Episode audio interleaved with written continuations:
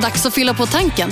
Stanna på Circle K så får du 50 öre rabatt per liter på dina tre första tankningar när du blir medlem. Vi ses på Circle K i sommar.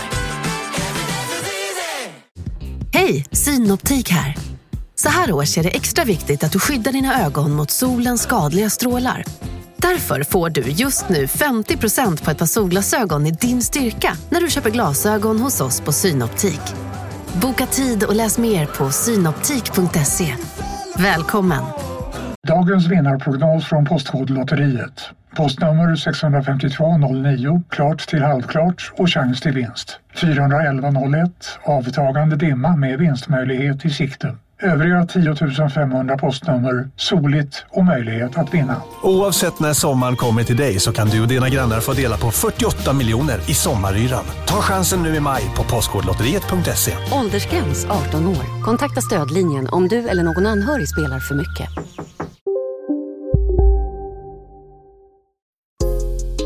Isak Faber och LRLA De vill ju stilla sitt kontrollbehov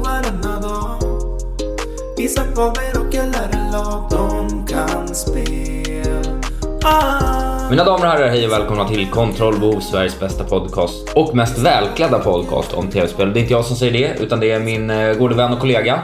Lars Robin Larsson Asp som sitter här i John Död t-shirt och fleece-tröja. Så att jag vet inte hur det är med det välklädda just idag. Nej, Vi har jag... uppehåll från det välklädda Just idag. det. Och jag har bara en Ica Bomben-mössa på mig och ett par eh, three-stripade gråa Adidas mjukisar. Så att absolut, eh, jag är inte heller så välklädd.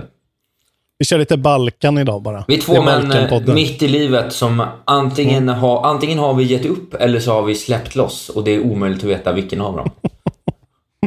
Ja, jag har gett upp. Men du, det kan man fråga om. Jag är Vi lös. ska prata tv-spel i alla fall. Ja, det och vi tv-spel, Isak Wahlberg. Ja, de har kommit en riktigt lång väg. Det är inte bara Pac-Man längre. Men det vet ni ju vid det här laget. Det finns andra spel. Annars hade vi haft svårt Det att fylla den här podden med snart 200 avsnitt. Man kan till exempel spela alla eh, Crystal Dynamics-spel. Har du sett No Clip-dokumentären som han precis la ut? Eller har du inte gjort tror jag? Nej, det har jag absolut inte gjort. Nej, jag har, inte, jag har varit lite full kareta här nu igen. Det är ju sista veckan eh, inför min semester. Just Jag det. åker till Jamaica i två veckor. Eh, Så då kan vi väl passa på att dra lite formalia kring det då. Att jag är borta, så att eh, du har fått uppdrag att producera ett avsnitt. Eh, Och jag har redan producerat mitt avsnitt. Så att, ska vi ta det nästa vecka bara, så kommer det då. Så, så har Exakt. du mer tid på dig. Ja. Så nästa vecka kommer ett litet samtal mellan mig och Jonas Strandberg när vi pratar om, ja men hans vän till podden såklart. Han pratar om sin relation till tv-spel. Eh, Vi pratar lite Goti, så här liten pre-talk på Goti en månad innan det smäller på riktigt.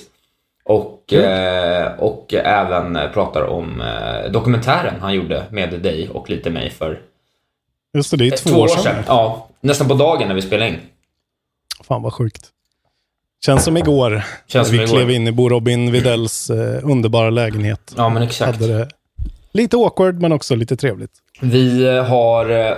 Det, det kan ju vara kul att säga också. eh, ja, Jag, jag och Jonas gjorde det här på mitt hotellrum i Linköping och jag var där för att gigga på ett event under Linköping Game Week. Först och främst tack och bock till de kontrollbov-lyssnare som var där och reppa. Jag är ledsen att jag var tvungen att sticka direkt efter men det var så bara. Så jag hann inte prata med någon. Men det var otroligt Lars Robin att skämta för liksom jag, jag skämtade om det igår, att det var som ett rum med bara autister. Alla satt spikrakt, hade långt hår och var helt tysta tills det kom ett skämt eh, som var, de tyckte var riktigt roligt och då skrattade de så mycket så att jag blev obekväm. Oh yes. That's my peeps man. Men det här- Those are my dudes. Jag måste berätta det här som hände. Alltså det var på riktigt bland det roligaste jag gjort på en standup-scen någonsin. För mig personligen. Eh, Och då, var det, då, då har jag ett skämt om gamertags sen ett par år tillbaka som jag hade dammat av för det här tillfället. Började prata om det och fråga om folks gamertags.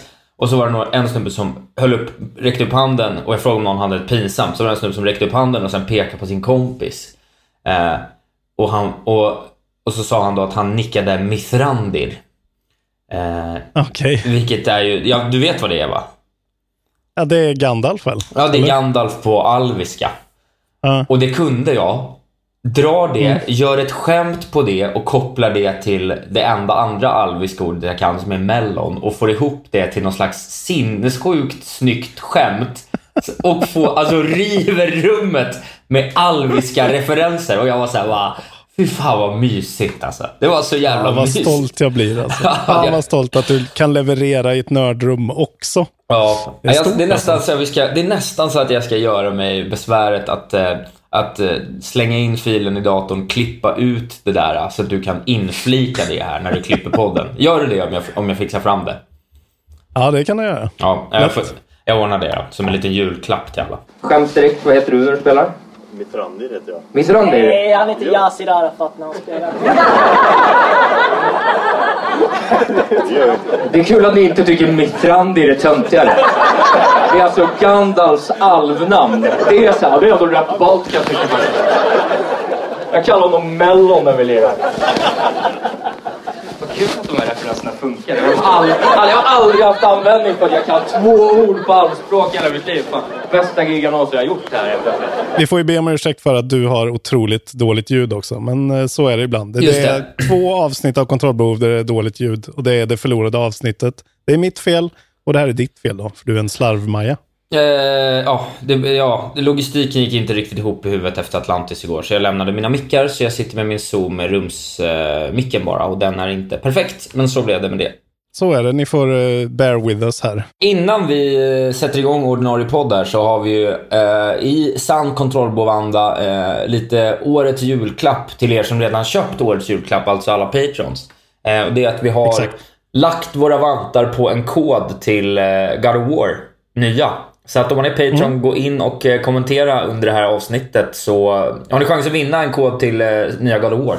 Helt enkelt. Så det kan ni ju gå in och hugga feb- febrilt på helt enkelt. Kanske till och med värt att bli Jag Patreon tror för att det är PS... Jag tror att det är PS5-versionen bara så att ni med PS4 inte går in och... Nej, det är PS5-versionen.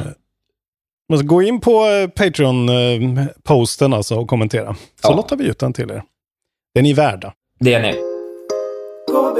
Du har ju Skull Bones-rapporten och nu då Beyond Good and Evil 2-rapporten. Just Jag har ju snarare eh, I am Jesus Christ-rapporten då som jag levererar lite då och då. Ja, Nu har vi fått ett släppdatum för prologen. Eh, första december, lagom till advent, så kommer då the free prologue version. The prologue is basically a free game featuring over one hour of gameplay and showcasing the feature of the full game that will be released at a later time. Så för er som har Steam, jag vet inte om det här kommer gå att köra på Steam-däcken, då kan ni i alla fall eh, gratis spela liksom första delen och showcase-piset av I am Jesus Christ-spelet. Eh, som, eh, det är ju ett företag som liksom ska släppa den här nu. Eh, de utvecklar den Engine 5, de släpper pro prologen och sen startar de en Kickstarter-kampanj. Eh, Otroligt. efter den här prologen då. Så att det, allt med det här känns ju bara så jävla... Det känns, det känns inte legit på något sätt. Men eh, Bibeln är väl free domain, så det är bara att köra. Jag, det här måste man ju ändå prova. Jag ska prova det här. Eh, det släpps ju alltså i nästa vecka. ja men det kommer ju vara piss va. Men eh, det är ju kul för dig om du faktiskt tar dig an det. Jag antar Ja, att du men gör det. Hänga, med Petrus och Judas och göra vatten till vin och gå ta en promenad på något vattendrag och sådär. Tror det kan bli eh, roligt alltså. Ja, det är mycket mys som utlovas. Det hör ju jag det. Herregud, vilken dum idé det här är. Ja, uh, I'm Jesus Christ i alla fall. Eh, snart kommer jag prata om det i podden i alla fall. Kul. Snart en podd nära dig. Ja. Ja, ja, men härligt att höra. Jag, eh, jag har andra roliga nyheter. Kanske roligare nyheter apropå rapporter. En annan sak vi har rapporterat om är ju eh, tillgången på Playstation 5. Eh, och Ja. hux flux igår så får vi helt plötsligt nyheter om Playstation 6. Uh, what? Ja. Okej. Och eh, det är då Eh, Sony då som går ut och eh, berättar att eh, i, ett, i ett dokument då att eh, eh i originaldokumentet skriver Sony vilket år de antar att nästa Playstation släpps, men årtalet är struket i det dokumentet som släpps offentligt. Men vi kan dra slutsatsen att de siktar på 2027 eller senare. Det ligger, eh, ligger i fas i det omkring sju, omkring sju år en konsol brukar få på sig innan uppföljaren släpps. Så att det har liksom släppts någon slags dokumentation här om när nästa generation kommer. Ja, okej. Eh, och det här dokumentet är då med i eh, den här dokumentationen kring kommentarer på Microsofts köp av Activision Blizzard. Så det är den här liksom då stora liksom öppna handlingen så då, som innehåller en miljard intressanta dokument. Eh, Okej. Och eh, ja, så då får vi en liten indikation. Kanske inte som någon jättenyhet, men det känns ju absurt Nej. Att helt plötsligt höra Playstation 6 eh, nämnas. Det har man ju inte tänkt på ännu. Kommer det ens att vara liksom? Tänk om streaminggrejen studsar igång här nu på fem år och liksom tar över hela grejen. Då kommer de ju få revidera det där. Men det är klart, det är klart de börjar ju alltid. De måste ju börja sikta någonstans eh, tidigt. Det är ju helt klart. Mark. Cerny måste väl ha något att göra. Eh, nya obehagliga videos att producera. Ja, men det är ju den bästa videon som på. har producerats. Han redan på att skissa på uppföljaren till den videon. Ja, det How can I be even more creepier this time? Jag tror jag redan har valt skjorta. Exakt. Ja. Fan, på tal om den där, eh, vad heter det, uh, Activision Blizzard-grejen då. ja. Det har ju kommit ut en väldigt märklig, eh, vad heter det, back and forth, typ back and forth mellan Sony och Microsoft. Eh, nu sätter ju verkligen the regulatory people tänderna i det här avtalet och eh, både, det är både troligt att FTC, alltså Federal Trade Commission i USA, det. där det är rapporter från Politico, att de kommer eh, försöka liksom sätta en sån antitrust-låsut på det här för att de blir för starka i marknaden, tycker de. Eh, flera andra eh, liksom, regeringar runt om i världen som tycker att alltså, den allmänna eh, vågen i polit politiken är ju att de stora techfirmorna är för stora och har för mycket makt. Det blir Skynet liksom. Ja. Att det finns väldigt många sådana strömningar som kommer att försöka stoppa dem. Bland annat då eh, i Storbritannien, eh, The Competition and Market Authority heter de. De har släppt korrespondens som de har fått från Sony och Microsoft angående båda de här, eh, bo, eh, angående köpen från båda de här företagen då. Där liksom de här företagen då försöker nedspela sin egen betydelse på två olika håll. Eh, vilket man aldrig har hört förut tycker jag. Att, alltså de, grejen är ju att man brukar säga att vi är bäst på det här, vi är bäst på det här. Ja, precis. Men eftersom Sony då försöker ju blocka, de försöker liksom be om att det här dealet ska bli blockat, så säger att Microsoft kommer kontrollera alldeles för stor del av gamingmarknaden i och med att de äger då Call of Duty. Eh, och, eh, ja, men, och, och då kommer Microsoft å sin sida och säga så här, men vi är ju så små och dåliga. Sony är de som har de bra spelen. Så här till Ja. exempel, alltså så här säger Microsoft i det här dokumentet de har skickat in då. Sony has more ex exclusive games than Microsoft, many of which are better quality. Alltså det här är från Microsoft. Iconic first party franchises such as God of War and Uncharted. Eh, nearly five times as many exclusive titles than Xbox. Och sen kommer Sony då i sitt dokument.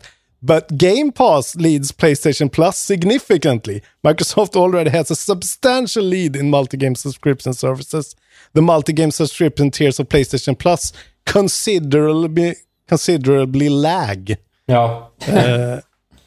Och det är liksom så här, ja, eh, och sen Microsoft går in och säger så här, men herregud, så både Sony och eh, Nintendo är ju mycket mer större än oss på konsolmarknaden. Det här finns ingen, det är så, bara så jävla konstigt det här. att de helt plötsligt ska försöka liksom, nej men ni är ju så bra, ni kommer ta över helt. ja. Eh, fan vad sjukt alltså. Men det är jävligt intressant för att det här känns ändå som första köpet där det verkligen är eh, så här, det här är folk rädda för på riktigt, för det här blir en riktig shift. Även fast Phil går ut och säger att så här, Call of Duty kommer finnas på Playstation så länge det finns Playstations. Men det är ju bara ord ändå, liksom. det är ju ingen signage på papper. Eh, ja, precis. Nej, ja, men det är roligt för det, det här tangerar faktiskt... Eller, vill du berätta sista punkten där, eller? Nej, eh, Nej. Det, det var det jag hade. Jag bara tycker det är så jävla roligt att de helt plötsligt ska börja liksom prata ner sig själva. Ja. För Ja, att men- få igenom, eller inte få igenom det. Jag kan fortsätta då, för den här nyheten om eh, 2027 nämndes ju i den här dokumentationen också. Då, då fortsätter just den här typen av back and forth då, som är då att, eh, eh, att, eh, att Playstation då går ut och säger att så här, eh, ja, eh, för det är därifrån de har fattat det här, att vi kanske får släppa Call of Duty-spel fram till 2027. Eh, eller kanske en kortare tid än så, vilket har att göra med att ja, vi får släppa det till den här konsolgenerationen. Men nästa generation då. It would have lost access to Call of Duty and other Activision titles making it extremely vulnerable to consumer switching and subsequent degradation in its competi- competi- competitiveness. Jag kan inte ens uttala det. Competitiveness. Competitiveness. Ja. Eh, och sen, svarar hon då, sen skriver hon då också eh, When assuming the SIE had the ability and resources to develop a similarly successful franchise to Call of Duty it would take many many years and billions of dollars to create a challengers to Call of Duty and the example of EA's Battlefield shows that any such efforts would more than likely be unsuccessful. Så de bara kukar eh, DICE och Battlefield i dokumentationen Det också. jävla, ja, det är så jävla konstig retorik det här tycker jag. Och det, jag tycker också att det är så här, 2027, alltså självklart så kan man ju se bakåt att vilken serie har gått bäst ko- eh, konstant över hela, alltså det är klart att Call of Duty är, den är ju en outlier eftersom den håller sig så otroligt stark. Men jag menar, Playstation har ju precis köpt Bungie. De kan ju komma ut med nästa Destiny-ish. Eh, alltså, det finns ju ingenting som säger att Call of Duty kommer behålla det här för evigt. Liksom. Nej. Det känns som att, det känns som att den, liksom den tankebanan att så här, Call of Duty är Call of Duty, det kommer alltid vara eh, populärt. Det, den grejen är konstig. Det är som att de skulle säga att så här, Tomb Raider kommer alltid sälja mest spel. Eller liksom Halo kommer aldrig faila efter Halo 2. Nej, precis. Alltså det, jag bara tycker att det är, eh, det är så jävla konstig upp och nervända världen Men man förstår ju att Playstation är livrädda. Vi har, jag kan tagga i den här nyheten Ja, med, med en till. För att vi har ju nu siffror på hur Warzone 2 exempelvis har gått. Den här nyheten är två, tre dagar gammal. Mm. Men första fem dagarna, Warzone 2.0. Eh, fem dagar, 25 miljoner spelare. Ja. Så att, eh, jag känner ju ett gäng personer som på riktigt bara sitter i Warzone. De har en Playstation 5 Mm. och de spelar Warzone. Och eh, försvinner Warzone, då köper de inte en Playstation 5, då köper de en Xbox. Så att man förstår ju att de är rädda. Det är ju liksom, det är ju ungefär så många konsoler som Playstation 5 har sålt i nuläget. Liksom. Jag tycker det är märkligt att inte liksom att inte försöka, eller det gör den väl på sin, sin sida också, att de försöker hitta den här competitorn som kan utmana dem liksom. Eh, istället. Men Ja. ja. det är väl bra egentligen. Det vore väl bra för alla om Microsoft inte köpte Activision Blizzard. För det blir, jag menar, för, i alla fall för alla oss som spelar tv-spelen, att det är ju bättre att Call of Duty finns överallt. Det hade ju varit bra om Nintendo kunde få en beefigare maskin och gå in och också ha Call of Duty på sina konsoler. Liksom. Ja, ja, nej, att alla kan benefit from the console sales. Exakt. Och Så. så kan man kanske få cross-platform då, Sony. Kan ni inte fixa det då? Eh, lite lätt på alla spel. Eh, Ja. Som ni tycker om så himla mycket. Lite snabbt. Ja, På, på tal om Sony. Eh, do tell. Hermen Hulst. Hermen Hulst har twittrat om God of Wars eh, första helg då.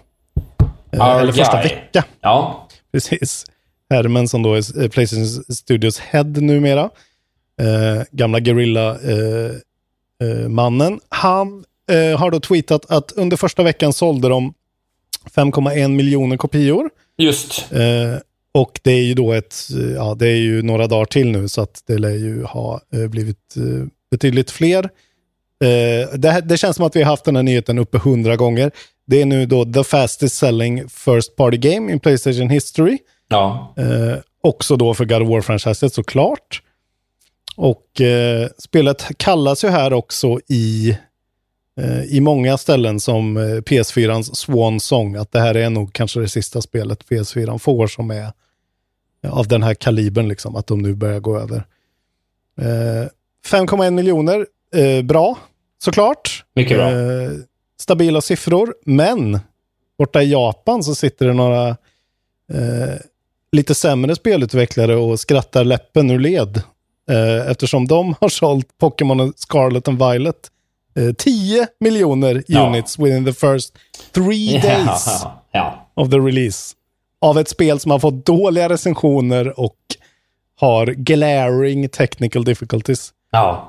Så Pokémon Company och Nintendo fortsätter att trycka pengar med det här jävla hundra år gamla franchiset. Ja, Men nu har de tusen Pokémons och eh, vad fan ska man säga emot det? Ja, men det är ju så. Hur många Kratos finns det? En. Hur många Pokémons finns det? Tusen. You do the Det math. är, det är roligt det här att liksom... eh, jag har ju kommit längre in i God of War, vi kommer att prata om det. Och det utkristalliserar sig som att så här, jävlar vilket mästerverk det är. Och eh, det spelar ingen roll. Det spelar ingen roll att man får tior på IGN. Det, man har inte en sportmössa mot de här jävla japanska powerhousen. Alltså. Det är så jävla Nej. intressant. Jag kan jag sätta siffrorna. Du, du har ju tagit mina, två av mina tre sista nyheter här. Det var inte en jättefet förlåt. nyhetsvecka. Det är lugnt. Men jag kan sätta den här siffrorna lite i eh, kontext Mm. också. Att, eh, dels så först och främst ska man ju veta att sen 2017 så har ju alltså de släppt Let's Go Pikachu, Let's Go Eevee, eh, Brilliant Diamond and Shining Pearl, Legends of Arceus och även eh, Sword and Shield. Och Sword and Shield dåliga då... spel allihopa alltså. Ja, absolut, Eh, men folk gillar ju franchisen, det går ju inte att komma ifrån. Mm. Vi får inte glömma att det är en, en handhållen konsol för dumma barn. Det är ju, det är ju ett, eh, ett Game Boy Advance vi pratar om vid det här läget. Eh, Ja, det är sant. Ja, men eh, and Shield då, som eh, när det släpptes var the fastest selling Switch title eh, at the time. Då. Och de sålde 6 miljoner enheter på första veckan. Så att de här gör ju slarvsylta med tidigare siffror också. Gud alltså. Det är Ja. otroligt vilken jävla timing det här måste ha varit för Pokémon-fans alltså. 10 miljoner på tre dagar, det är ju helt oerhört. Ja, nej, det är ju en 10, 8-10 procent. Visst är vi uppe i 100 miljoner switchar vid det här laget? Ah, ja, Ja. well above tror jag. Ja, är det well above? Ja, skitsamma. Men det är ändå liksom en attach rate på liksom Mm. ett gäng procent. 5-8 procent liksom. Helt jävla otroligt alltså. Ja. Eh, Sam- ja, det är ju det att, ja men eh, precis, det har ju också blivit eh, så här, the highest number of sales in the first three days after release of software for all Nintendo game consoles. Ja. Så det är ju of all time är det här spelet det snabbast säljande på en Nintendo-konsol. ja, nej det Oh är absurd. Ja, och sen ser man ju då, som du säkert tänkte ta upp, de andra, eh, vad heter det, eh, spelen har ju också sålt så sjuka siffror överhuvudtaget. Det ligger ju tre Pokémons på eh, best selling Nintendo Switch Games och här kommer väl det fjärde då, i och med det här nya spelet. Ja, Och vi snackar ju Rockstar-siffror. Eh, ja, ja, Okej, kanske inte riktigt, men eh, det är jävligt mycket pengar.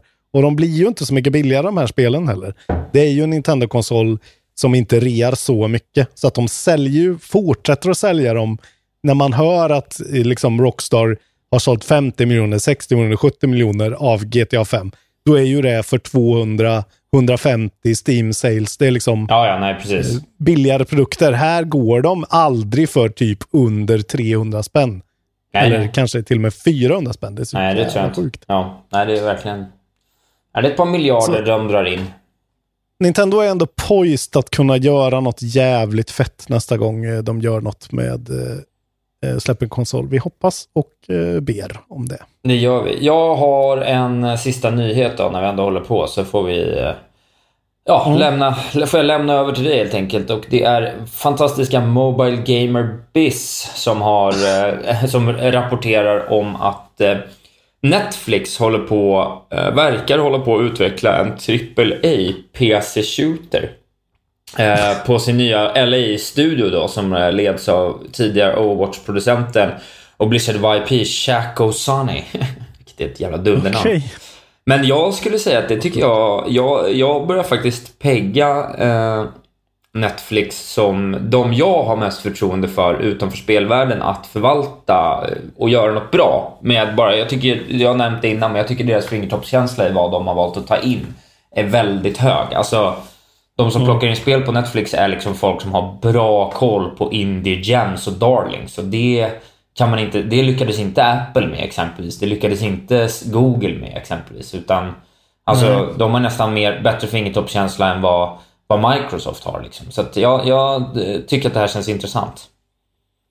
Det är roligt för att det är också liksom ett företag, alltså så här, Apple och Microsoft har ju så jävla många olika businesses. Ja, Eh, även Google, liksom, att spelgrejen blir en, en liten grej vid sidan av. Det känns ju ändå som att Netflix, de gör ju sina tv-serier, sina filmer, har sin streamingtjänst. Det här är ju ändå lite större grej för dem, så det känns Ja, som ja. att de kanske kan komma in med lite mer passion och faktiskt lägga en större chunk av sin uppmärksamhet på att det ska bli the Netflix of games då.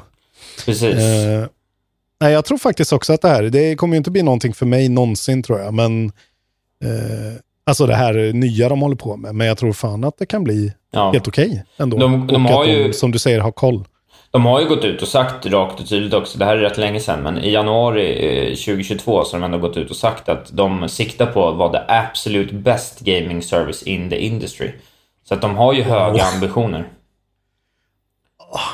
Ja, men det är bra. De ska ju sikta högt.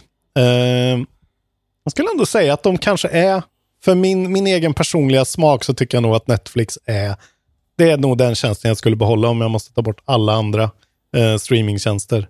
Ja, Skulle jag nog ändå behålla Netflix, jag tror det. Och eh, det säger ju ändå någonting om att de ändå lyckas eh, leverera content ja. man vill ha. De är duktiga. Before your eyes har vi nämnt innan att de har. De har Oxenfree, de har de här Stranger Things-spelen som folk tycker är helt okej liksom.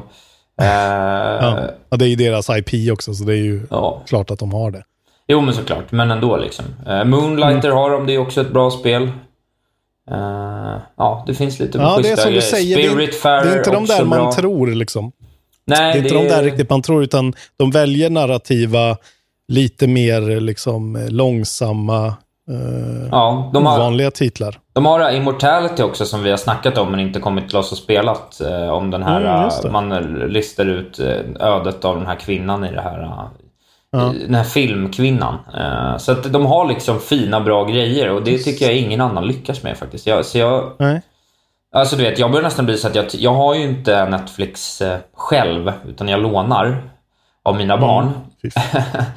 Men eh, eh, ja, jag, jag är nästan så att jag kan köpa Netflix. Om de får lite mer snurr på liksom uppdateringsfrekvens av de här spelen så skulle jag liksom kunna välja Netflix för spelen snarare än något annat. Det är ju en helt otrolig statement, men det är ju så. Ja, Om, de, om de fortsätter så, why not? Gött. precis. Eh, Okej, Isak Wahlberg, nu kan du äntligen andas ut. Jag vet att du har väntat och väntat. Måndag den 28 november, eh, då kommer eh, golfen till eh, Switch Sports. Äntligen. Som en free update. Åh. 21 hål. Eh, jag vet att du älskar när jag pratar om spel som, släppt, som redan har släppts. Mm. Det är bara kul. De har, liksom kul. Upp, de, har de har skjutit upp det här jättelänge. Och Ja, gör det det här jätte- lite till en happening. Jättekonstigt. Något som är liksom, det som borde vara eh, the killer app för hela spelet kommer liksom ett år för sent. Det är jätte... En nyhet. Nu kan du teckna livförsäkring hos Trygg-Hansa. Den ger dina nära ersättning som kan användas på det sätt som hjälper bäst. En försäkring för dig och till de som älskar dig. Läs mer och teckna på trygghansa.se. Trygg Hansa. Trygghet för livet. Välkomna sommaren med att... Res med Stena Line i sommar och gör det mesta av din semester. Ta bilen till Danmark, Tyskland, Lettland, Polen och resten av Europa. Se alla våra destinationer och boka nu på stenaline.se. Välkommen ombord! Var du än är och vad du än gör så kan din dag alldeles strax bli lite hetare. För nu är Spicy Chicken McNuggets äntligen tillbaka på McDonalds. En riktigt het comeback för alla som har längtat konstigt. Ja, men och Wii, det fanns ju, det har ju funnits i så många iterationer. Ja. Eh, Wii Sports, Wii Sports Resort och Wii Sports Club. Och ändå skjuter de upp det. Vad har de gjort liksom? Ja.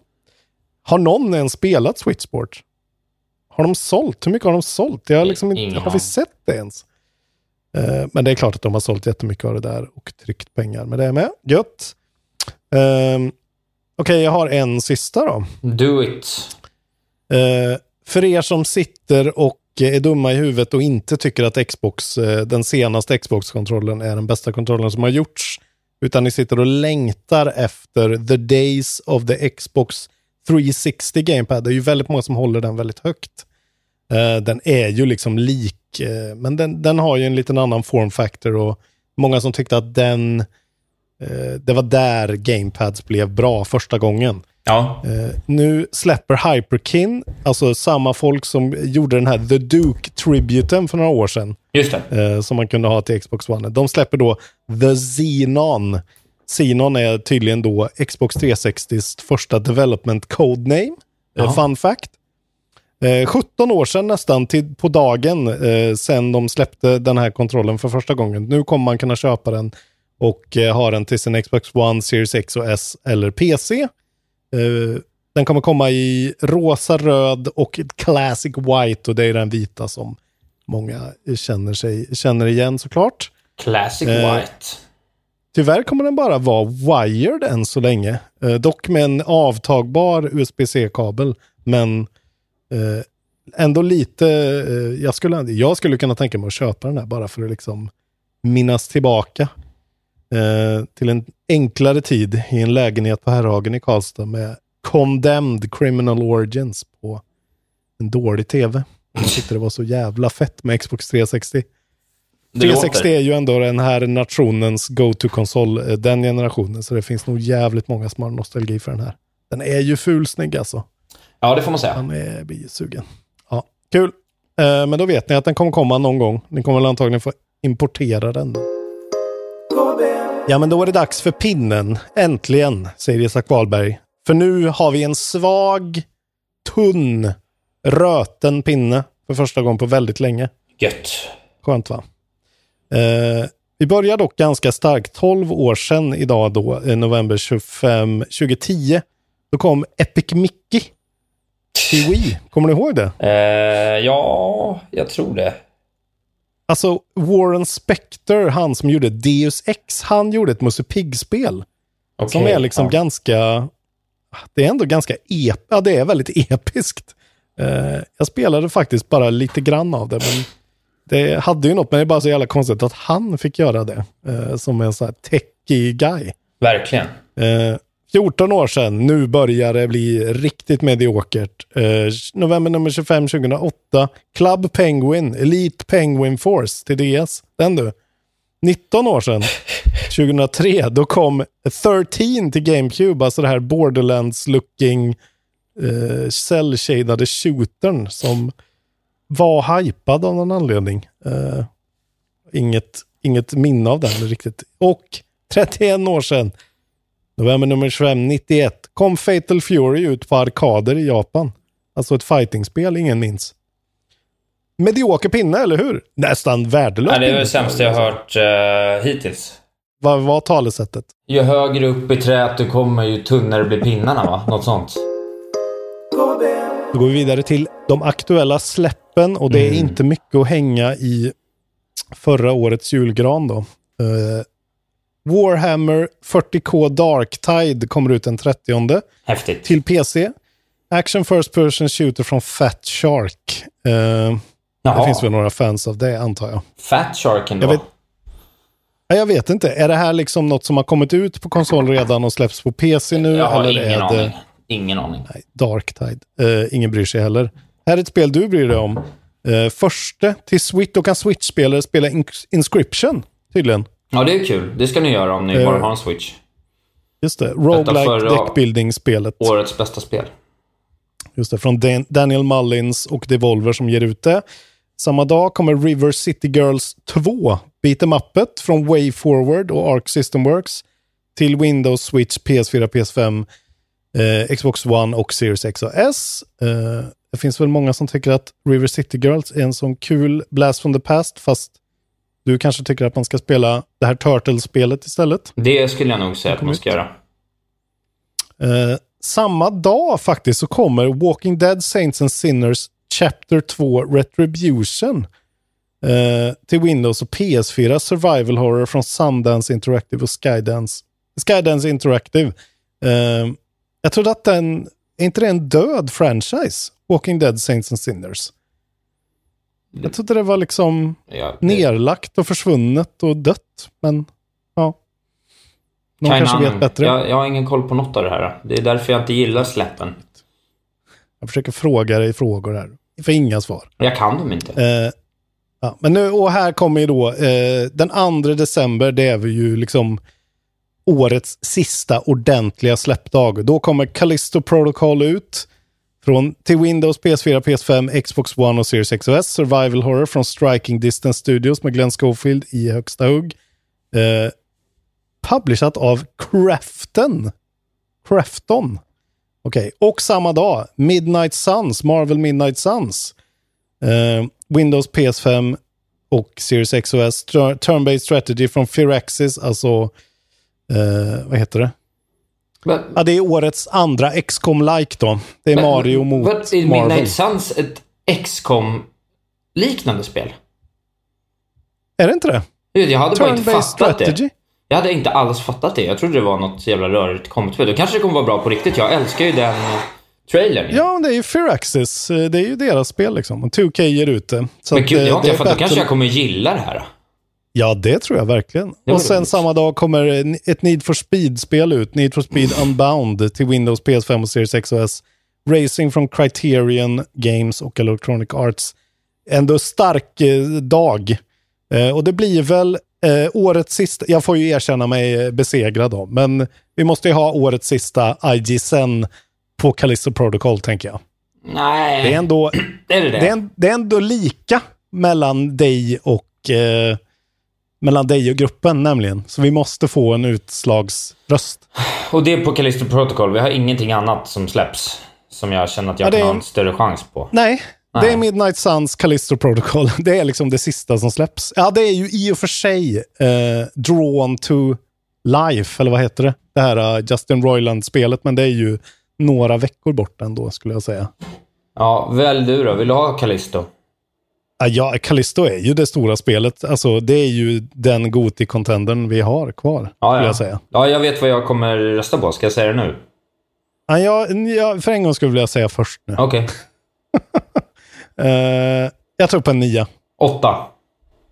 Du tror på en åtta? Ja. Okej, trevligt. Vad kommer IGN ge Callisto Protocol? Eh, det kommer upp en omröstning. Den här gången kommer den också upp i gruppen. Just det.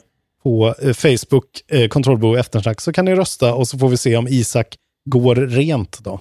Ja, det tror jag. Säg din catchphrase. Se mig gå rent. Tack. Eh, kul, det var släppen. Ja, värdelösa som alltid. Kul. Hypen till Protocol. Jag kände den lite nu ändå. Ja, men kul för dig. Tråkigt, Eh, jag tror, tråkigt för mig att God of War var så pass bra alltså. Ändå. det var väl kul Alltså, för det alla. Lite.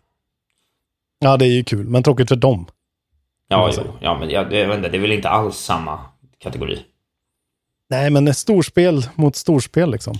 Det, men det Jag tror är, väldigt du många förstår har att det är, väldigt stora. Du förstår att det är två, alltså det är different ballparks. Det är superettan mot eh, Champions League, skillnad va? Det är väl för In, fan inte, för oss som, eh, inte för oss som spelade Dead Space eh, back in the day. Nej, men det var väl du förstår 4000 inte det. pers. Ja, men du det här förstår du inte Isak. Det var nästa nivå. Eh, om han kan klara av pull that off again, den sortens eh, innovation och eh, skjuta fram en genre på det sättet. Då har de chans på något riktigt stort alltså. Ja, en åtta. Det blir kul att se. Jaha, har du spelat något tv-spel då? Jag har spelat en hel del faktiskt. Oj, oj. Eh, två Är spel. det Animal Crossing? Ja, men det, men det ska jag inte prata om. Såklart. Eh, Det har jag pratat tillräckligt om. Eh, nej, jag har Tack, spelat... Eh, jag har fortsatt med God of War och fått in, jag vet inte när vi pratade sist, jag kanske spelat tre timmar. Nu är jag väl uppe i så 16 timmar, så jag har ändå tryckt på rätt ordentligt. Och, Ja, eh, verkligen. och eh, tycker ju att när jag hade spelat då hade jag liksom kommit, då var spelet följde väldigt mycket liksom den förväntade, vad jag förväntade mig. Och sen därefter har det hänt lite saker i hur man spelar som eh, har kommit som väldigt glada överraskningar för mig måste jag säga. Det är svårt att prata om det här spelet för att det är väldigt eh, spoilerkänsligt alltså. Mer än... Ja, det är väldigt spoilerkänsligt. Ja, det är lite svårt. Vid det här laget så känner jag nästan att jag skulle vilja prata om det. Samtidigt om vi håller oss ifrån det nu så kan vi ju lämna det tills Mm. vi helt enkelt gör en spoilercast eller pratar om det i Goti. Så jag, jag vet inte vad du tycker. Ska vi hålla oss eh, väldigt Men vi känsliga? kan väl ändå... vi kan väl ändå varna lite grann att så här, om, du, om du inte vill veta någonting, så här, vi kanske kommer minor spoila någonting här nu. Bara så ni vet det. Ja, men så här då. Man spelar, inte, eh, man spelar inte alltid i duon Kratos och eh, Atreus. Det måste vi kunna få säga utan att ha sagt för mycket. Nej, precis. Man Eh. kastas ju runt med oli- jättemånga olika, alltså det bara fortsätter. Ja. Kan ju spoila för dig då. Ja, precis. Ja, jag har hunnit med två switchar, tre switchar kan man säga. Ja, skitsamma. Mm. Det händer grejer fram och tillbaka och det tycker jag gör det dynamiskt och roligt. Du får den här ständiga dynamiken mellan karaktärerna förändras men är fortsatt väldigt bra. Jag tycker att spelet blir Mm. mycket mer personligt som ett resultat av det här. Jag tycker att Enemy Variety i kombination med miljöombytena gör att kvaliteten höjs något enormt. Jag tycker att, Mm. eh, att sättet de presenterar olika storlekar på de här öppna världarna. Eh, Ja. Det är ju banor med öppna segment. Ibland så är det en straight line tills det öppnar upp sig när du är klar. Ibland är det en öppen värld direkt där du kan ta dig mot ett huvudmål. Jag gillar den dynamiken. Jag hittar och fastnar och vill göra allt på ett sätt. Jag kan inte lämna en Nornir chest just nu. Det går liksom inte. Jag måste ta Nej. den. Eh, och det brukar jag sällan känna. Eh, de set pieces och större fighter som kommer är ofta helt otroliga. Jag tycker att de introducerar liksom gear och, eh, och eh, abilities och sånt på ett sätt i en, i en pacing som gör att du hela tiden tar aktiva val kring hur du spelar. Alltså jag tycker att det är riktigt, riktigt jävla bra. Mm. Och det är verkligen så jävla mycket den här magin med en uppföljare tycker jag. Ja. Att de behöver inte fokusera på det tekniska så mycket. De be behöver bara pumpa in så jävla mycket content. Och de har verkligen gått above and beyond tycker jag. Ja. Att så här, spelaren ska aldrig ha det tråkigt. Det ska alltid bara kastas grejer på dig och bytas companions och nya miljöer och gamla miljöer på nya sätt. Och det är Ja. så jävla... Och sen kan jag väl tycka att ibland, eh, det finns särskilt en sekvens som jag vet att ganska många tycker att det blir lite för chill och lite för mycket storytelling och de, att man, ja, där är det ju mer som en walk and talk i liksom ett, nästan ett par timmar. Är det väldigt Eh, tidigt? Ja, men ja, det är ganska tidigt när man introduceras för en ny karaktär och det blir liksom väldigt... Ja, men den avslutas ju med en set piece som är helt otrolig. Ja, men jag vet, men allting är ju skitbra såklart. Men liksom, den, alltså de har verkligen vågat att så här, nej nu är det här typ, ja men så här, typ ett, en Last of Us-grej. Att Ja, verkligen. Nu ska, ja. vi bara, nu ska vi bara explora som när man går i, du vet akvariet där Ja. i Last of Us Part 2, när man helt plötsligt bara så här, ja den här sektionen är skitlång och eh, väldigt, väldigt bara visu, visuellt, nästan som en walking simulator. Men jag älskar att de gör det. Ja, ja. Och man vet aldrig, alltså jag är ju nu 25 timmar in kanske, och det, det känns verkligen så här, ingen aning om vart det här kommer ta vägen. Jag har liksom ingen som helst eh, alltså ens gissning på hur det kommer sluta. För att de har liksom kastat det runt och, och introducerat nya och liksom ändrat perspektivet på karaktärer. Och jag tycker det är så jävla mästerligt. Framförallt hur de, när man spelar med olika karaktärer, att helt plötsligt så får man reda på saker med den ena karaktären som den andra karaktären inte vet om. Och så liksom eh, spelar man då som den första karaktären, oh, gud vad det här blir så här spoiler tvättat, men ja, då vet Kratos helt plötsligt inte om att det där grejen har ju hänt. Som den där karaktären som man är med, alltså så här, Ja. det är så jävla intryck, det blir som en såpa typ, liksom. En riktig sån eh, de- deceit och liksom, ja det är så jävla snyggt tycker jag. Verkligen. Vilket gör det helt, det, det, allting känns så jävla öppet liksom. Ja. Jävla coolt. Eh, och jag gillar verkligen hur de gör den här Artreus Loki konflikten verkligen. De eskalerar den och eskalerar den och eskalerar den. Och det är så tydligt att, att, att Artreus är liksom det, så, det ska vara som Anakin Skywalker-grej liksom. Och de lyckas verkligen naila den grejen tycker jag.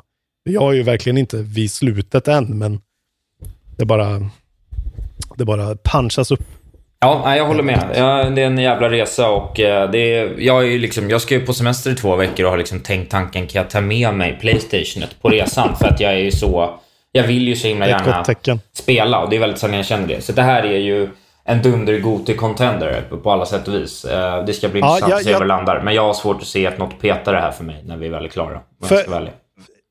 Alltså förra gången när vi pratade så sa jag ju så här att det är ju inte lika bra som Elden Ring. Och jag är väl fortfarande där och tycker, men alltså nu börjar det verkligen närma sig. Och framförallt en sekvens som är, alltså det var så bra. Det var två timmar gameplay kanske, eller en och en halv som var verkligen så här, okej det här är bättre än Elden Ring. Det här är bättre än någonting i Elden Ring. Men spelet i sin helhet återstår att se, men det var, liksom, det var ju då jag skrev till det, att så här, 20 timmar in, för mig i alla fall, Ja. då bara barkar det och blir så jävla coolt. Och Ja. liksom, alltså underhållningsnivån. Det är Ja, liksom nej, endgames, sista timmen i endgame underhållande. Att det är så här, äh, ja, man bara, det bara kastas så jävla mycket roliga, färgglada, häftiga grejer på en samtidigt som gameplayet är så jävla precis lagom kul hela tiden. Så Ja. att man aldrig tröttnar. Ja, fy fan vad bra det är. Ja, nej, jag, Eh, jag helt klart kul. ett bättre spel än första spelet skulle jag säga. Verkligen. Det är hands down för mig. Jag har fått eh, spelupplevelsen förhöjd eh, av ytterligare en aspekt och det är vi, att vi av eh, Nordisk Film som är, distribuerar en hel del saker inom eh, gamingprodukter och sådär har varit snälla och gett dig och mig varsitt sånt här eh, Rig Pro 800 HD headset, eller hur? Ja, Eh, och, eh, tack för det. Ja, tack för det. Och eh, det fick vi ju eh, liksom... eh, Ja, vi fick ju det så att säga testa det här och se om ni tycker det är bra. Det var inte, Mm. Vi är liksom inte sponsrade. Vi får inte betalt för att säga att det är bra eller någonting. Utan vi har bara fått det och så här, spela med det. Och då har vi gjort det och... Eh, Personligen så tycker jag att det är kanonhörlurar. Eh, alltså vilken, liksom, det, det blir för, jag har en fin soundbar där hemma som är kul att spela med, mäktigt. Men Mm. sounddesignen i det här spelet med ett par bra hörlurar som det här faktiskt är. Eh, Mm. är också riktigt mäktigt. Liksom. Jag tycker att det, det blir... Jag har föredragit att sitta med hörlurar hemma, även fast det är lite töntigt. Sådär. Mm. Eh, bara för att det är liksom en... Adderar till Ja, immersionen. Man ser ju töntig ut. Man ser ut som en gamer-tönt. Ja, man ser ut som en Men, gamertönt. Även om de inte är så. De är inte liksom RGB. Nej, De är rätt Ja, slik, verkligen Men jag inte. hade inte haft dem De på är- tunnelbanan om jag säger så. Alltså det här, jag skulle ju aldrig premiera något som jag inte tyckte var bra. Jag hatar ju sånt. Eh, det här är verkligen skitbra lurar. Eh, jag har ju liksom uh, studiolurar som jag verkligen, om jag vill ha något riktigt fett, så tar jag på mina sådana AKG-lurar. Ja. De här är skitbra verkligen. Framförallt är de väldigt bekväma. Eh, Ja. Känns inte så mycket av man på sig. Man blir inte så jävla, jag blir så varm av sådana här lurar vanligtvis. Eh, det är därför jag alltid har haft in-ear-grejer. Men som du säger, det är fan vad det förhöjer att ha ett par riktigt schyssta lurar. Eh, som faktiskt, jag, även jag som har en surround soundbar som är skitdyr, det här är fan snäppet bättre alltså. Eh, jag är, skulle jag säga, väldigt positiv överraskad över hur bra de faktiskt var. Ja. Och eh, det enda problemet jag har haft är att det har varit liksom lite störningar, men jag har ju ett helt jävla kluster med wifi eh, vågor precis vid min tv med en router och hela skiten, så jag får nog skylla mig själv där. Just det. Ja, jag, jag skulle faktiskt säga det motsatta. Jag har ju kört... Eh, jag har ett par Arctic... Lurar som jag har kört in Arctic Pro som också ska... Ja, de är också bra. Jag tycker nog att ljudet är lite bättre i Rig eh, Pro 800 då. Eh, men framförallt så tycker jag att det funkar bättre. För att de är lite sådär wonky med connection. Det är bara att klicka på knappen och det funkar. Och de... Enkel sak. Två enkla funktioner som jag faktiskt på riktigt uppskattar också. Dels att när jag klickar igång dem så är det en röst som berättar för mig om den är connected eller inte. Det är inte något så konstigt dubbla pip eller någonting som man glömmer bort direkt. Utan det är så, den säger så, eh, headphones connected, battery status good. Så jag vet att okej, jag har mycket batteri och skiten funkar. Klart. Jävligt skönt. Enkelt. Eh, och sen så har de också medhörning i micken. Det kan vi komma in på strax när vi lämnar God of War. Men det är också Ja, rätt för det har skönt. inte jag provat. För man, eh, dels så är det en snygg funktion. Fäller man ner micken så är den eh, on. Fäller man upp micken så är den automatiskt mutad. Mm. Men sen kan du också ställa in medhörningen i tre steg, vilket gör att du framförallt då hela tiden kan få en koll på hur du låter. Så att om du har högsta Mm. medhörningen och har micken för nära, då hör du att du andas in i ditt eget huvud och då kan du liksom korrigera det. Vilket jag tycker är eh, ett enkelt skönt sätt att veta att man inte har liksom dåliga settings. Jag är väldigt positivt överraskad. Och, fra- och även om man pratar om liksom sounddesignen i just God of War så är det eh, den här 3D-audion som eh, Playstationen faktiskt har är jävligt eh, kraftfull. Ja. Framförallt i vissa, liksom, när man är liksom utomhus och har någon jävla porlande bäck på ena sidan och det Ja. går karaktärer runt den och sådär. Det är fan, Ja, det, det, det, blir jag- immersion alltså. Ja, jag har testat det där lite, sprungit runt och liksom hört hur ljudet Mm. liksom kommit och det funkar faktiskt väldigt bra. Så det, det är roligt. Mm. Det, det förhöjer kvaliteten. Det där är Playstation duktiga på. Och när de väl tar i från tårna då, då är varje detalj riktigt bra. Precis. Ja, men så det kan vi... Jag rekommenderar dem varmt alltså. Rig Ja. 800 Pro, bra skit. Och de går Eh, nog att få för eh, en tusenlapp billigare nu under Black Friday också. Så det är kanske läge att hugga om ni har, om ni har, eh, om ni är sugna på ett par lurar. Ska jag berätta vad jag spelar mer? Ja, men gör det. Jag har ju äntligen droppat in i Al-Mashara eller vad det heter och eh, spelat eh, Warzone 2.0. Så att eh, äntligen får jag prata Warzone igen. Ja, men nu är det ju... Nu är det ändå... Eh, nu får du ju prata Warzone, för det finns nytt i Warzone. Ja, det är nytt i. Warzone. Ja, precis. Först och främst, eh, jag har ju bara kört ett par kartor. Det tar ju lång tid att bli bekväm och bekant med de här kartorna. Liksom. Just nu springer man ju runt. Mm. Vi har droppat ungefär samma område hela tiden för att liksom fatta hur de funkar.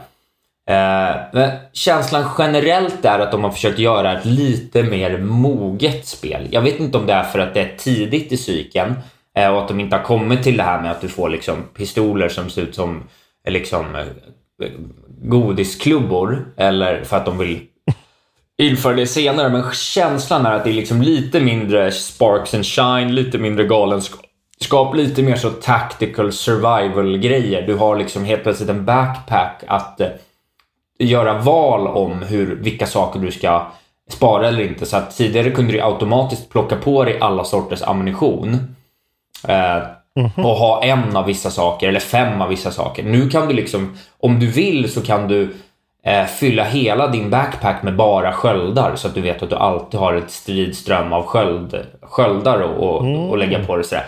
Så att du har ett taktiskt element där som, som känns lite djupare, som att de har gjort det lite mer liksom Eh, ja, men lite mer survival, lite mer Tarkov och eh, liksom battle eh, PubG än Fortnite. Liksom.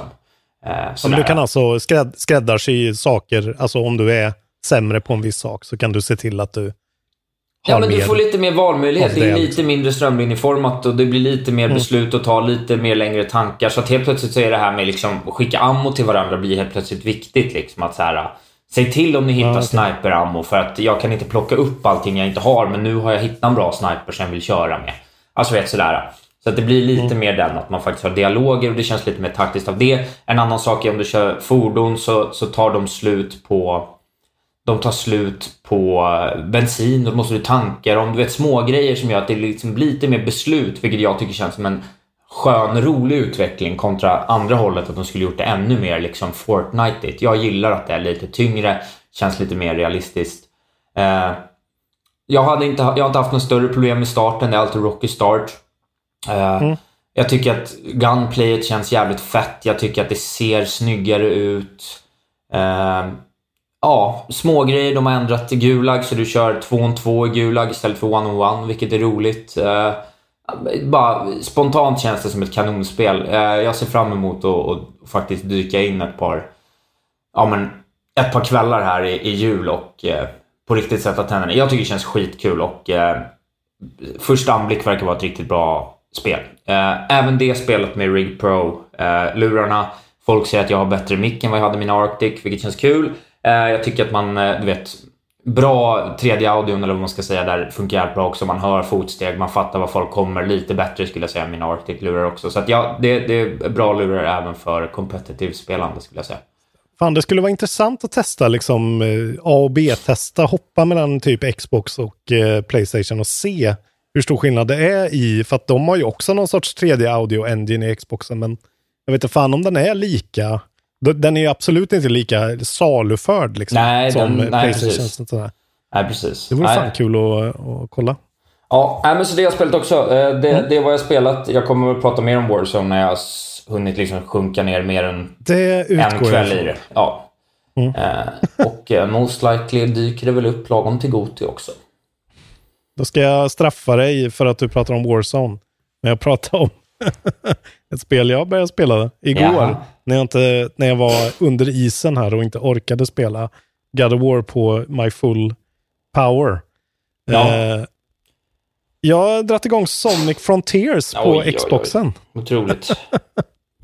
Eh, 639 kronor om man ska köpa det digitalt. Ja, det var det billigaste jag kunde hitta. Alltså det finns ju billigare ute i handeln har jag sett. Men jag vill ju kunna spela den, eh, jag vill kunna spela det på Series S också när jag drar till Värmland. Så jag vill ha det digitalt. Uh, för att jag har sett att det har kostat sådär 440 och kanske 500 spänn. Och det har jag känt så här, ja men okej. Det här är ju ändå en, blir ju en selling point för dem då. Men ja, det känns lite dyrt. Men det är ju faktiskt lätt eh, det bästa eh, Sonic-spelet jag har spelat. Det säger ju inte så mycket. Det är ju precis som när jag spelade det nya Kirby-spelet som också är det bästa Kirby-spelet jag har eh, provat. Ja. Men ja, Kirby är Kirby. Det här är ju verkligen en blatant rip-off på Breath of the Wild. Det är liksom ännu mer än typ... Ja, men vi spelade ju Immortal Phoenix Rising eh, som vi fick av Ubisoft för, är det två år sedan nu då? Ja. Eh, som också kändes väldigt så. Eh, Okej, nu gjorde Nintendo den här grejen. Det måste vi också göra. Eh, och det här är verkligen... Men det här är ju skumt också på ett sätt som inte Immortals var. Immortals var verkligen så här. Vi tar bara ett Ubisoft-spel och slänger in det i den kontexten. Just det. Vad håller... Alltså, det är ju so, eh, Sega som publicerar såklart och Sonic Team heter den här studion på Sega. Och vad fan vad man kan verkligen förstå eh, vad Yuji Naka höll på med när han gjorde Balan Wonderworld, var han kommer ifrån. För det är så jävla, vad, vad konst, de är så konstiga och, och eh, så här, eh, om jag ska vara helt ärlig så är de ganska dumma i huvudet på något sätt. Hur då? När de ska skriva, ja men när de ska liksom, du vet, skriva en story och ställa upp ett designdokument. Men du vet, så när, man, när vi spelade Balan Wonderworlds första två, tre banor, att det är så här, vad gör, vad, vad är det här för idé? Den här Ja, idén nej. skrotar man ju direkt. Den är ju inget bra. liksom. Ja, det är så här, spelet börjar med en helt vanlig Sonic 3D-bana som är skitfet. Sonic 3D är ju ett flawed concept i sig, skulle jag säga. Alltså Ja. som de har varit nu senaste gångerna. Det är verkligen så här, det funkar inte tycker jag med den här speeden och den här grejen att varje gång du får, alltså att du tappar alla ringar när du blir liksom, får ett slag. Så här, det är någonting med det i sig. Det här kan väl säkert diskuteras, men jag tycker att det är flawed game design verkligen. Det är inte kul. Ja, men det var en sån enkel är sak liksom- som du tappar ringar i en 2D-miljö för att springa fram och tillbaka för att samla upp dem. Tappar du en 3D-miljön så måste du springa 360 grader i Ja. en stor rund ring. Det tar tre gånger så lång tid. Det är liksom antikul på något sätt. Ja, det är så nej. jävla, det är liksom så här, spring skitfort och upplev den här coola visuella grejen. Och så bara, nej nu tog det slut, stopp. Och du måste få upp momentum. Det är något som känns så här start och stopp weird. Ja. Men hur som helst så börjar spelet med det och sen så liksom glitchar Sonic ur den här då cyberspace-världen som han då alltid har befunnit sig i och kommer då in i den här uh, Breath of the Wild, eh, alltså så här, en vanlig värld som Ja. ser mer mundane och trå- tråkig ut liksom. Eh, och inser då att liksom alla banor han alltid har levt i är eh, liksom bara så här eh, monument som man kan hoppa in i banorna i den här planen då. Det är så jävla flummig grej. Men det är liksom han och eh, hans eh, Amy och Tails då som liksom på något sätt eh, har tagit sig. Jag, jag vet inte ens om jag har fattat den här storyn ordentligt. Dr. Eggman är där också. Han är fast i någon annan sorts dimension. Och, alltså det är så dåligt. Storyn är verkligen... Alltså så här, vad håller ni på med? Ni måste, alltså det här är ju 74 Sonic-spelet. Kan ni aldrig någonsin leverera någonting som ens liknar en story? Det är helt, det är perplexing verkligen. Men sen får man börja spela spelet och inser att fan, det här är kul alltså. De släpper en verkligen eh, helt fri i den här världen. Eh, Ja. Som är liksom en avgränsad öppen värld. Det är inte som i, ja men det är kanske lite som Platon, jag vet inte än i Breath of the Wild, men att Eh, först så får du ändå en begränsad område, men det är så här, eh, det finns skitstora bossar och det finns liksom eh, en massa pusselelement, en massa olika liksom, ja men lite som ja, Breath of the Wild eller Ghost of Tsushima, att det finns så många activities liksom, men ännu mer här. Och du vet så här, eh, ja men de har en värld eh, och sen så bara helt plötsligt så är det en massa sådana här rails och grejer som man bara kan hoppa upp på mitt ute i luften, helt bara utslängda, malplacerade. Men eh, kul ändå, så det blir nästan som ett nöjesfält att gå runt på och bara så prova olika grejer. Det är trevligt. Eh, det är faktiskt trevligt. Det, är liksom, det blir ju mer som en activity, alltså så här, lyssna på en podcast och spela det här som en skön avkopplande grej mer. Eh, men sen helt plötsligt så går du in då och börjar låsa upp de här banorna. Och ibland får du liksom helt klassiska eh, 2D Sonic-banor. Det är liksom hälften av grejerna. Och det är ju skitkul. Det tycker jag fortfarande är kul. Liksom. Ja. Eh, det är ju inte lika bra som Mario. Men det är verkligen, det blir som en rolig grej. Det, det är ju inte som God of War, men också som God of War gör. att så här, Nu får jag göra den här grejen, nu får jag göra den här grejen. Det är så här, eh, nästan som eh, att spela Near Automata. Att så här, helt plötsligt, nu skiftar vi kameran så här och nu är det en, eh, nu är det en gammaldags shooter. Nu är det en, alltså sådana där grejer gör de som är kul. Så det är liksom pussel, time trials, olika combat-grejer. Och så har man ju en sån collectathon-grej hela tiden. Man kan följa någon jättekonstig side story om någon lerfigur som den här Amy hittar som vill återförenas med sin kärlek som är bara så här, vad håller ni på med Japan? Det här är det mest krystade konstiga jag varit med om.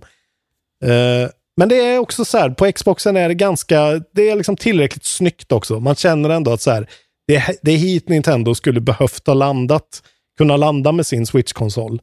Att så här, det är glossy, det är ändå liksom typ 1440p HD 60 och eh, känns ganska lyxigt stundtals. Särskilt med Day Night Cyclen och soluppgång och solnedgång. Det känns nice liksom. Ja, skoj. Och sen har de så jävla mycket konstig pop-in som jag inte fattar. Det verkar vara konstant på alla plattformar. Att de har byggt in det i motorn. Och det är också en sån Yuji Naka-grej, bara att han är pop-out då. Men alltså att så här, de bara, det bara är pop-in. Som Ja. är så ställd väldigt nära dig. Ja. Och det är, det, det är liksom del av designen på något sätt. Vilket är så jävla konstigt. Eh, jag vet inte, jag har spelat, jag hann väl spela kanske fyra, fem timmar igår och satt och liksom bara slöspelade lite kände jag. Men ändå så här, ja men det här kan jag ändå tänka mig att göra för att det underhåller mig. Eh, det är liksom inte utmanande på samma sätt som nya Crash var till exempel. Där man kände att så här, det här är en skitbra plattformare. Men Nej. den är också hard as nails. Det är inte det här, utan det här är mer eh, Action kasta romp. roliga, ja, kasta roliga färgglada grejer på dig, men eh, klicka förbi all story, för det är verkligen det sämsta skiten alltså. Jag förstår inte hur de, hur de kan få behålla sina jobb. Nej. Ta in vem fan som helst. Men de kommer nog sälja eh, helt okej på det här va? Två och en halv miljon kopior kanske? Ja, men typ. Och är jag best, tycker best ändå att... eh, Sonic Game in years. Ja, men man gillar ju ändå, precis som, exakt, precis som Elden Ring, som Breath of the Wild, att så här, släpp mig i en värld, låt mig utforska. Det räcker så långt alltså. För då kan man göra saker at your own pace och man kan göra det man tycker är kul. Och eh, det är faktiskt, och de får till liksom speeden och känslan och, eh, och ljuden är där som känns liksom korrekta. Och, eh, rösterna är ju helt otroligt dåliga. Alltså, vad, ja. det, är, det är väl mest det. Alltså, varför ska ni ens ha en story? Vem fan bryr sig? Låt bara Sonic Sonica runt. Zelda har ju knappt story liksom. Nej, precis. Det är det som är storheten. Det behöver inte vara. Man kan väl bara äta chili dogs och rädda djur. Det räcker väl som story tycker jag. Exakt. Ja. Det de borde våga gå mer åt det hållet. Men de sitter med några purister i Japan och gråter då om de inte får sin konstiga dialog mellan Mm. där Amy och Sonic har någon deep-rooted friendship som bygger på vad, ingen vet. Ja. Eh. Sonic Frontiers i alla fall. Eh, jag skulle säga vänta såklart till en rea. Men, Men fem gillar fem. ni sådana här, gillar ni såna här spel så är det nog en stark trea och eh, för 300 spänn skulle jag verkligen säga att det är, det är lite som Gotham Knights typ. Eh, vänta, men köp det för ni kommer nog gilla det. Nu måste ni ju bli Patreons, för nu börjar ju Patreon-säsongen. Vårt julcontent kommer ju rulla ut. Ja. Vi har faktiskt ännu inte riktigt spikat vad det ska bli, men det kommer bli något härligt. Vi kommer ju också fira 200 avsnitt här snart med en stream, men nu kommer det väl bli lite sådär avsnitt 199,1, avsnitt 199,2. Ja, det är kanske det vi väljer att kalla dem. Det gillar jag. Eh, jag tror det. Så vi får se. eh, när det kommer. Men det kommer Är det snart alla fall. här 98 vi spelar in nu? Det här är 198 ja. Så Ja, nästa då- blir då- 199. Nej, men kalla det sen blir det 199,1, 199,2 till vi kommer fram till 200 Precis. bara. Det kommer Det- 200 så småningom. Ja, det blir Eh, perfekt tycker jag. Och eh, vi har ju precis då släppt för 100 kronors Patreons eh, avsnittet med Rasmus Wimby och Jonathan Järpehag där vi pratar soundtracks. Jonathan Järpehag jobbar alltså på Hazelight nu med Josef Fares nya spel. Han pratar om det. Eh, Rasmus är en jävla nörd på chip och han kan så jävla mycket om så här gamla soundtracks och eh, det tekniska i att göra den här sortens musik. Det blir ett skitbra två och ett halvt timmars avsnitt. Så om ni vill höra det direkt nu så blir 100, dollars, 100 kronors Patreons. Ja, och direkt. eh, är ni patrons... Ja, förlåt. Vill du säga klart? Ja. mig? Nej, men eh, resten får det ju sist i varje månad som alla KB++. Men bli Patreons nu och lyssna på det här avsnittet. Ja. För det är ett av de bästa eh, vi har gjort, skulle jag säga själv. Och bli Patreon och ta upp kampen om eh, kod till eh, Playstation 5-versionen av God of War Ragnarok också. Det kan ni ju unna er själva såklart. Eh, sen så kan vi bara återupprepa det då att jag åker på två veckors semester så det blir eh, förinspelat med mig och Jonas Strandberg nästa vecka och veckan därefter får Mm. du hitta på exakt vad du vill. Jo, men det kommer ju bli ett avsnitt med nyheter såklart. Jag får se Ja. om jag tar med en gäst eller om jag solokör det. Sen så är jag tillbaks. Då kör vi någon gång där avsnitt 200 och sen är det ju nästan fullt, full, full strut in på, på Mm. Goti-säsongen. Och eh, ja, det ska bli väldigt kul per usual att göra allt det. Intressant Goti-säsong nu alltså. Mycket Verkligen. att fundera på. Mycket Ja. konstiga spel att försöka ratea på rätt sätt. Nu, Lars Robin, ska jag gå på ledighet. Så att eh, jag signar ut. Eh, Jaman, eh, In the Island, On the Sun. Ja, ja, ja. Ja, du vet, du vet vad som gäller. Exakt. Rude boy. Bad boy Rune. Gör inget jag inte skulle göra. Pray for me. Tack för att ni finns. Vi hörs här en annan dag. Puss och kram.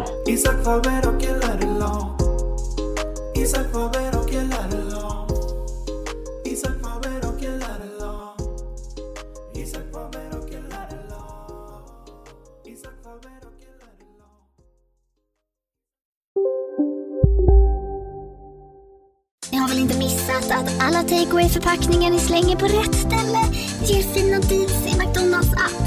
Även om skräpet kommer från andra snabbmatsrestauranger. Exempelvis...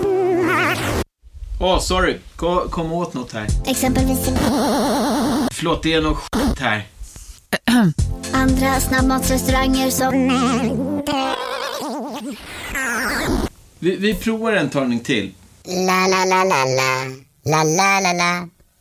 Om en så vidde på väg till dig för att du råkar ljuga från kollega om att du också hade en och innan du visste ordet av du hem kollegan på middag och... Då finns det flera smarta sätt att beställa hem din sous på. Som till våra paketboxar till exempel. Hälsningar Postnord.